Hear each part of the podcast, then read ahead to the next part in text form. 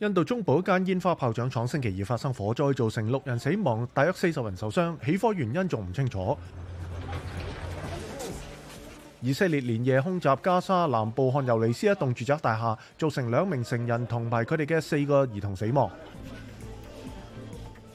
俄羅斯當局宣布扎波羅熱核電廠裁员，呢個核電廠安全仍然好脆弱。由於擔心潛在災難，國際原子能機構多次對該設施發出警報。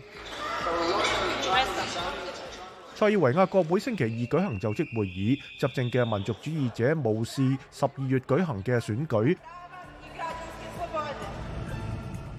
西班牙农民嘅愤怒情绪日益高涨，佢哋用拖拉机堵塞该国主要公路交通，加入咗欧洲各地蔓延嘅抗议活动。